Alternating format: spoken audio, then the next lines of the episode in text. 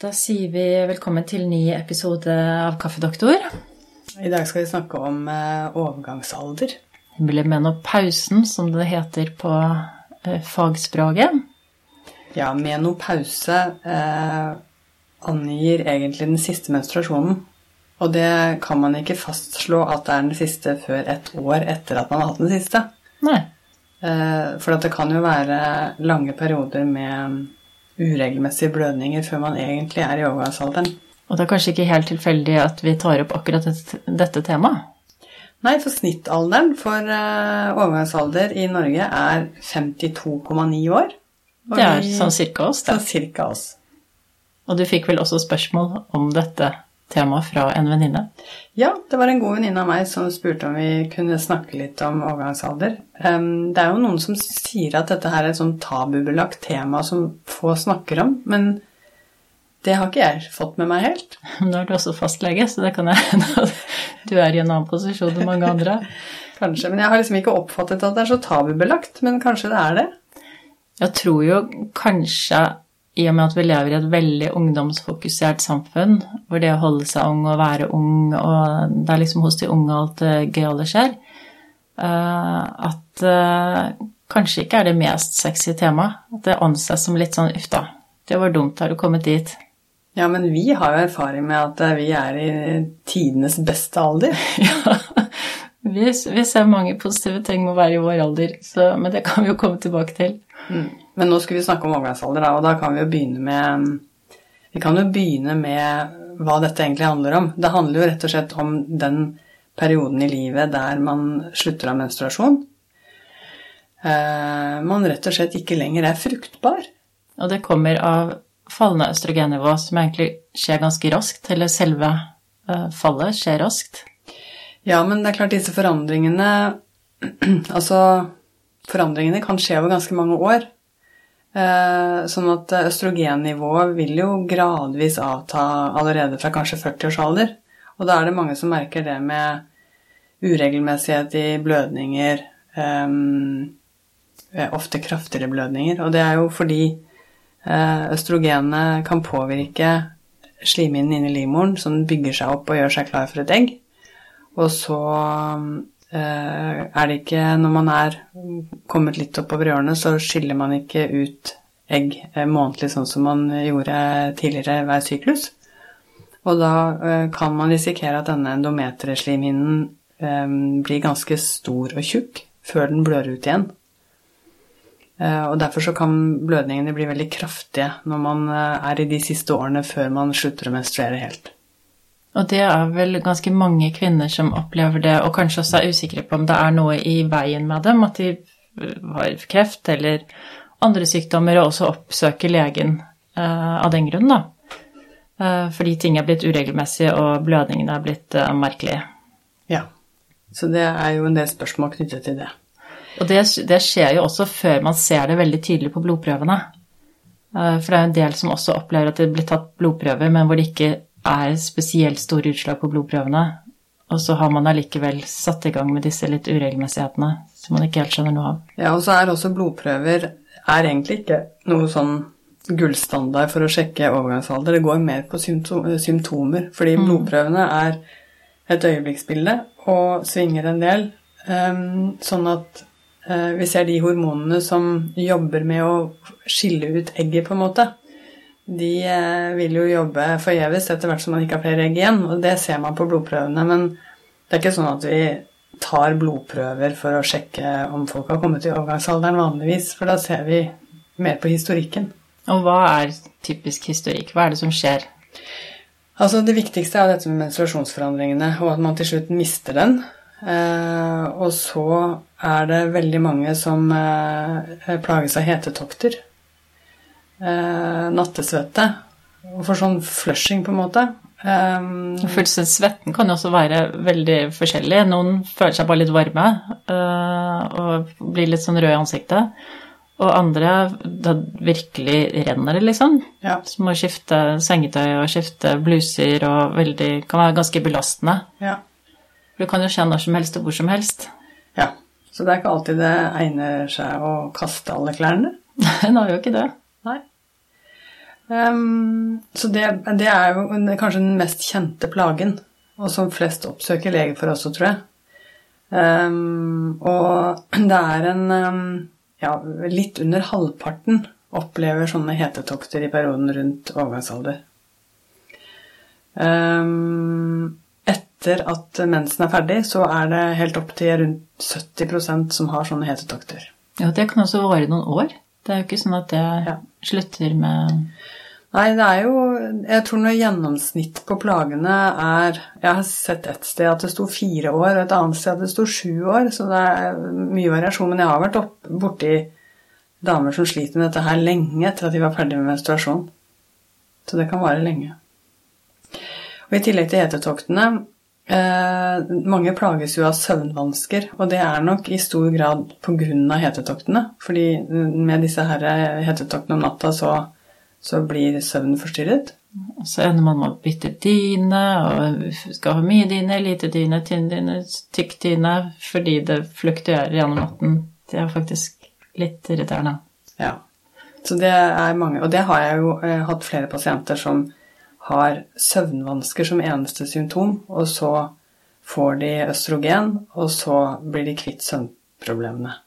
Så det, det er jo veldig greit å være oppmerksom på at det det trenger ikke være noe annet enn det.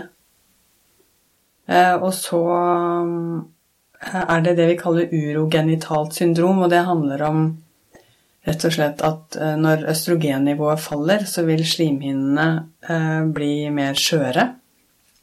Så i skjeden så er det ofte tørrere og sårere.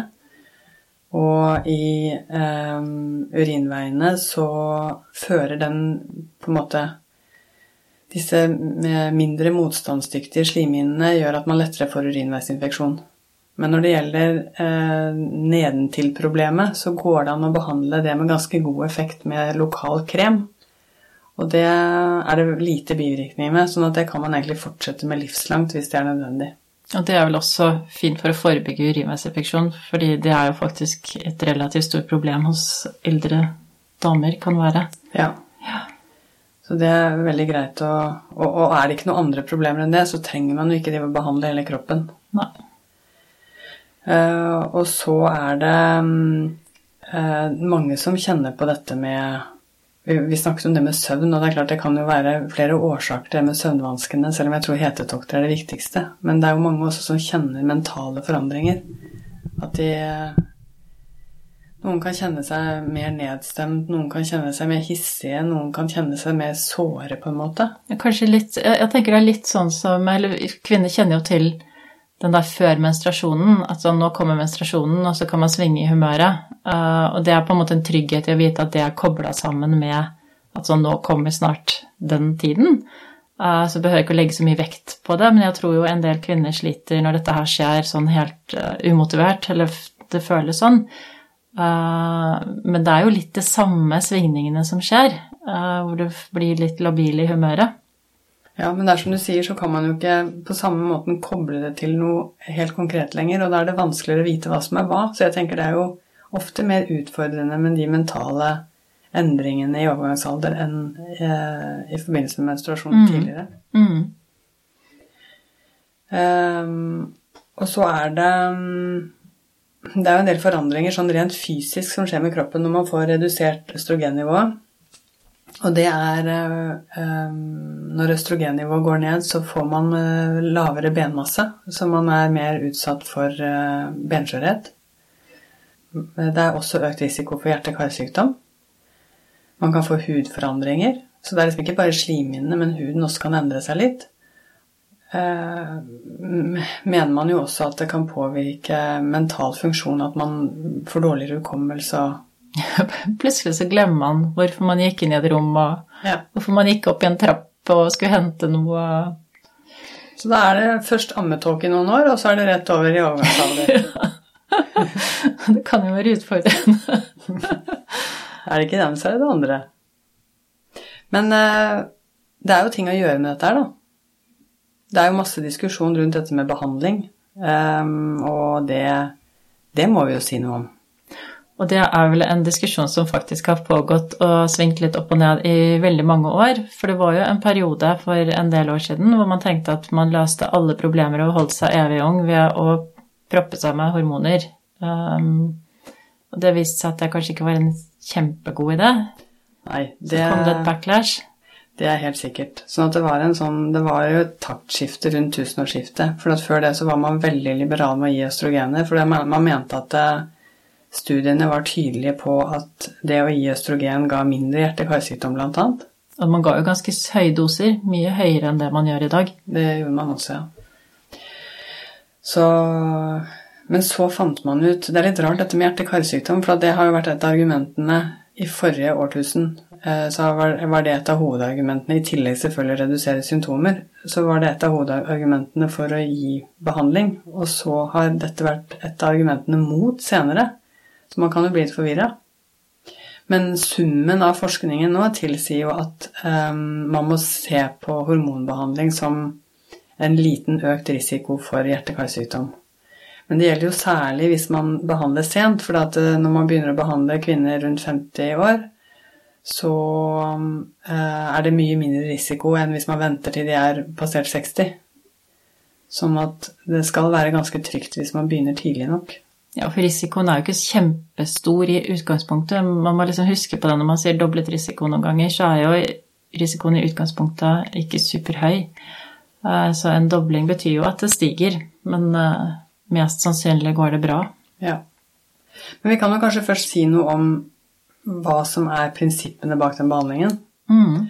For det er jo um, hormonbehandling, da. Og der hvor eh, østrogen skal redusere plagene, særlig med hetetokter. Gestagener eh, hjelper til mot blødningsforstyrrelser. Og det er jo det man finner i en hormonspiral. Så kvinner som har hormonspiral, får jo tilført gestagen. Ja. Og det kan du jo noen ganger også få satt inn hvis du har blødningsforstyrrelser i peri-menopausen. ja. Sånn at altså perioden før selve menopausen, hvor man begynner å få problemer med blødninger, ja.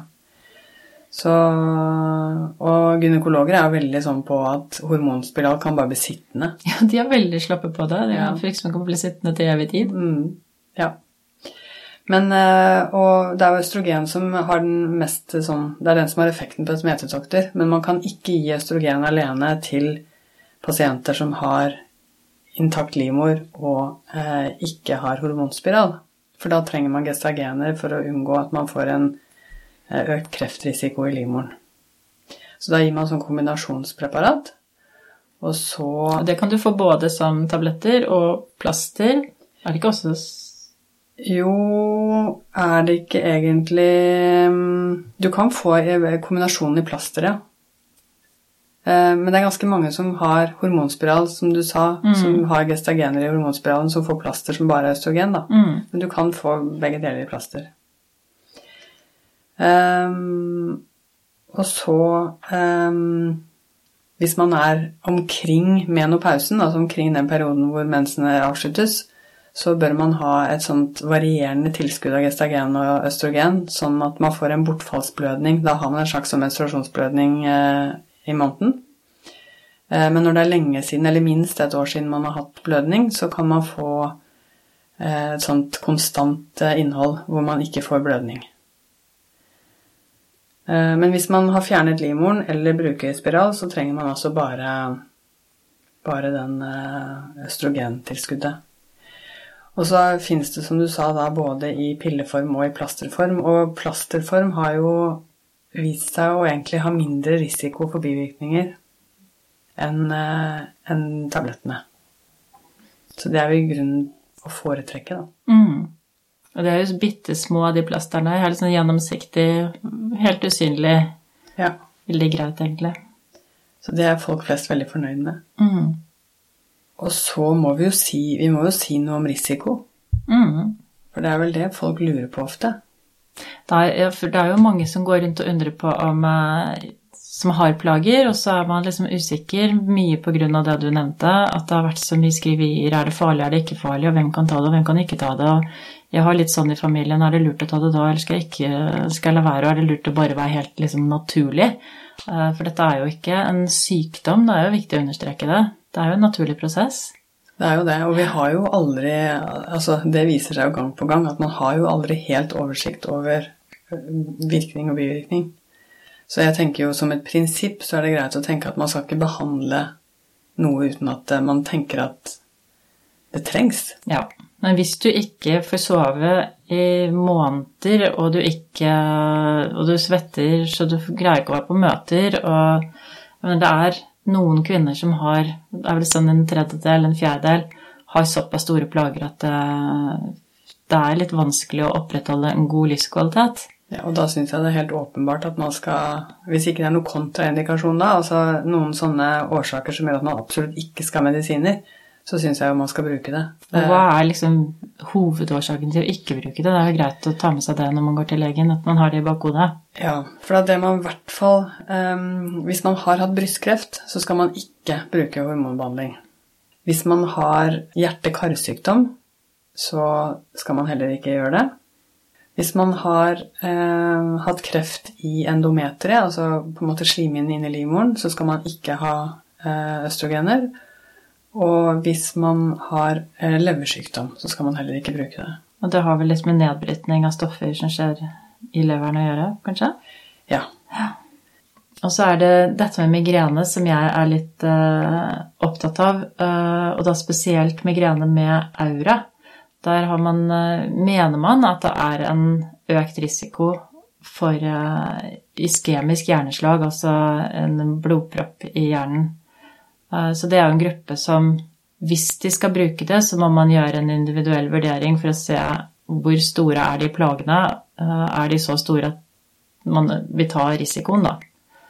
Så det er jo en avveining som de foreløpig, fordi man ikke helt vet nok, sier at dette blir en individuell avveining mellom Eh, ja, som man gjør sammen med legen sin. Ja. Så det betyr at man, det er ikke noe sånn absolutt at man ikke skal bruke det, men det skal i hvert fall vurderes litt opp mot uh, plagene. Ja. Og der igjen er det jo mindre risiko med plaster enn med tabletter. Ja. Og som du sa, så er det jo ganske lave doser man ser at kan være effektive, sånn at det, det fins jo også forskjellige styrker på dette. Mm. Um, så det er vel de viktigste tingene, da. Mm. Det er jo brystkreft som er uh, den viktigste, men uh, det har jo også vært masse snakk om dette med fare for utvikling av brystkreft. Mm. Og det er jo en viss økning, men igjen der så er det en ganske liten risiko hvis man tar det over en kort periode eh, akkurat rundt mm, menopause, rundt når menstruasjonen slutter. Det er jo som med alt annet, det er jo forskjell på å bruke ting i et år, kanskje, og bruke det i ti år. Eh, så det er jo en, sannsynligvis en slags doserespons-sammenheng eh, her. Så hvis man eh, har behov for disse medisinene før 60-årsalder, så er det i hvert fall regnet for å være ganske liten risiko.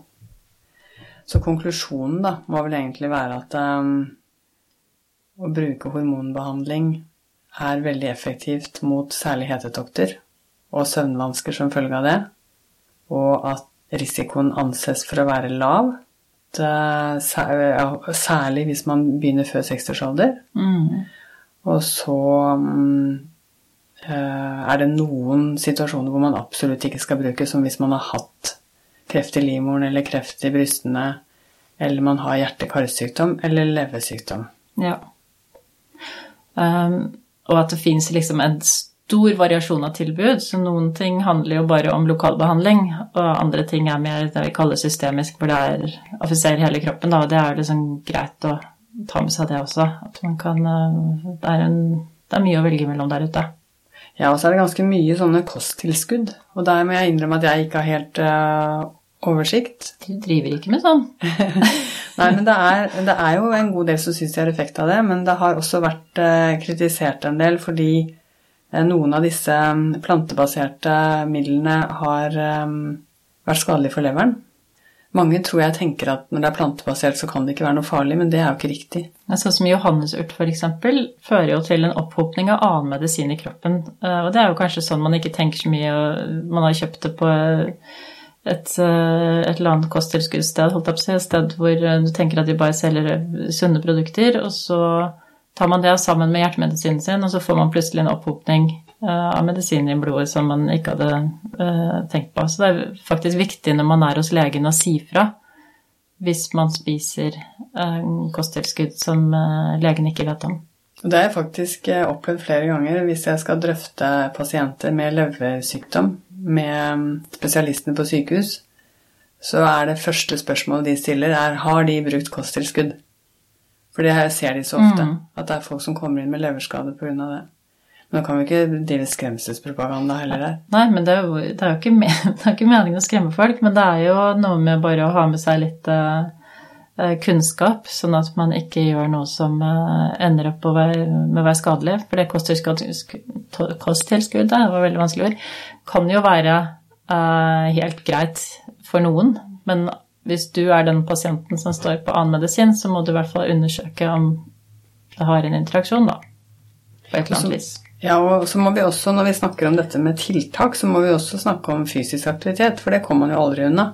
Nå er det vel ikke noe som tyder på at fysisk aktivitet i seg selv gjør så fryktelig mye med overgangsalderplager, men fordi man får en redusert beinmasse og har risiko for eh, benskjørhet, så er det veldig viktig med fysisk aktivitet for å holde skjelettet sterkt. Og særlig styrketrening. Ja. Og da kan man jo også si For det er jo en annen ting med overgangsalderen som vi ikke snakket nå om, men det der med at man får jo en annen eh, fettfordeling på kroppen. Plutselig så ble det pæreformen. Plutselig ble man mer pæreformet og fikk liksom eh, litt problemer med linningen i livet.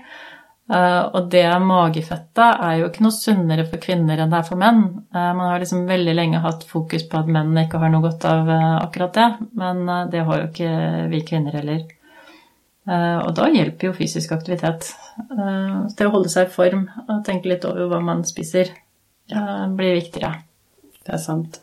Da kan vi snakke bitte lite grann om overgangsalder for menn også. er, kommer menn i overgangsalderen? Jeg vet ikke helt om man kaller det overgangsalder, men det skjer jo noe med dem også, for de får jo et mye lavere nivå av testosteron etter hvert som eh, årene går. Og vi har jo Vi snakket jo litt om dette med Når man ser gamle ektepar, så ser de jo veldig mye likere ut enn de gjorde da de var unge. De blir akkurat like De får samme kroppsform, de får litt lett behåring i ansiktet, de får kort, grått hår. Det ser ut som hund og eier, holdt jeg på å si. Man begynner å ligne hverandre. Altså redusert østrogen hos damene og redusert testosteron hos mennene gjør jo at vi blir ganske like skapninger til slutt. Det blir mindre kjønna. Mindre det er kjønna. veldig moderne, mm. faktisk. Mm. Hvis man kan si det på den måten. Men det som skjer hos menn, er jo at de har jo mye de, Deres testosteronnivå synker jo også fra sånn begynnelsen av 40-årene. Eh, men det går eh, mye langsommere, så de har jo ikke liksom sånn brått fall som det vi har. Eh, de har et sånn langsomt fall. Eh, og veldig mange av de merker ikke sånn voldsomme endringer heller, men det er en del menn også som kommer liksom så lavt i testosteronnivå at det går utover både det med energi og motivasjon, og eh, de får søvnproblemer, kan føle seg deprimerte, potensproblemer. Noen får også utvikling av bryster, redusert motivasjon og selvtillit. Eh, og jeg tenker at det Et eller annet sted så er jo det også ting man skal ta på alvor. Og som kanskje, hvis vi snakker om tabubelagt, så tror jeg jo det er nesten enda mer tabubelagt enn det å snakke om overgangsalder hos kvinner. Ja, det tror jeg også. Det er ikke så veldig mange menn som snakker om testosteronnivåene sine. Nei, Uh, og det har det vel i hvert fall blitt en del fokus uh, på hos en del uh, urologer da, som jobber med menn og deres ja, Det kan være potensproblemer eller hva det nå kommer til legen for. Men det er jo kanskje noe fastleger også bør være litt oppmerksom på med den gruppen, da. Ja, og lavt testosteronnivå kan jo også føre til depresjoner. Mm. Så, så det påvirker mange funksjoner, det også. Mm. Men det er litt de samme reglene, så holdt jeg på å si reglene og reglene, men de, de samme rådene som øh, går igjen. Det er sånn, Har du kjempestore problemer pga. dette, så er det også hormonbehandling å få for den gruppa.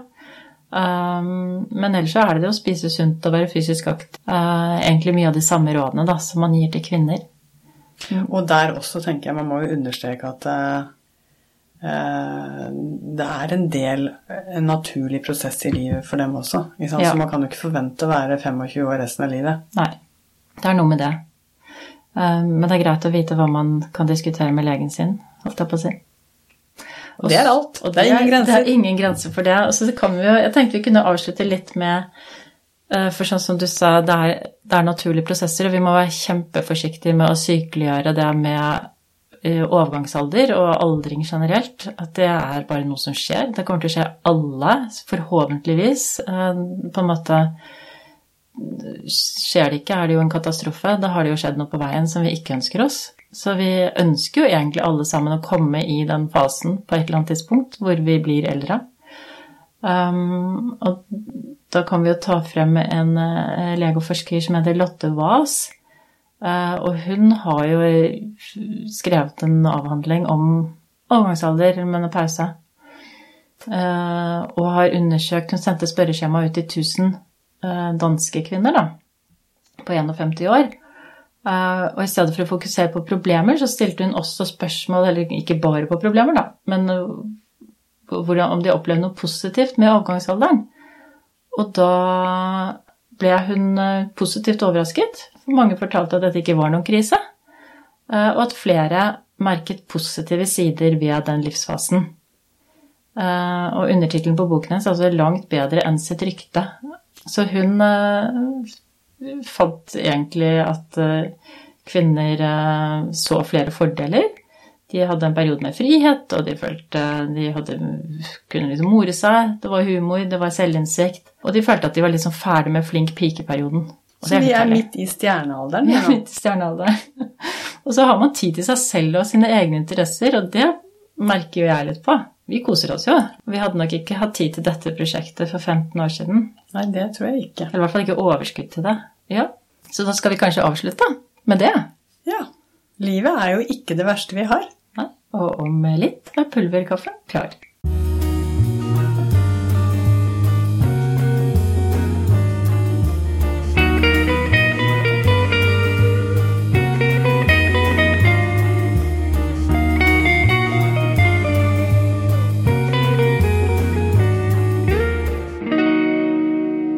Kaffedoktor med rom og Linnestad.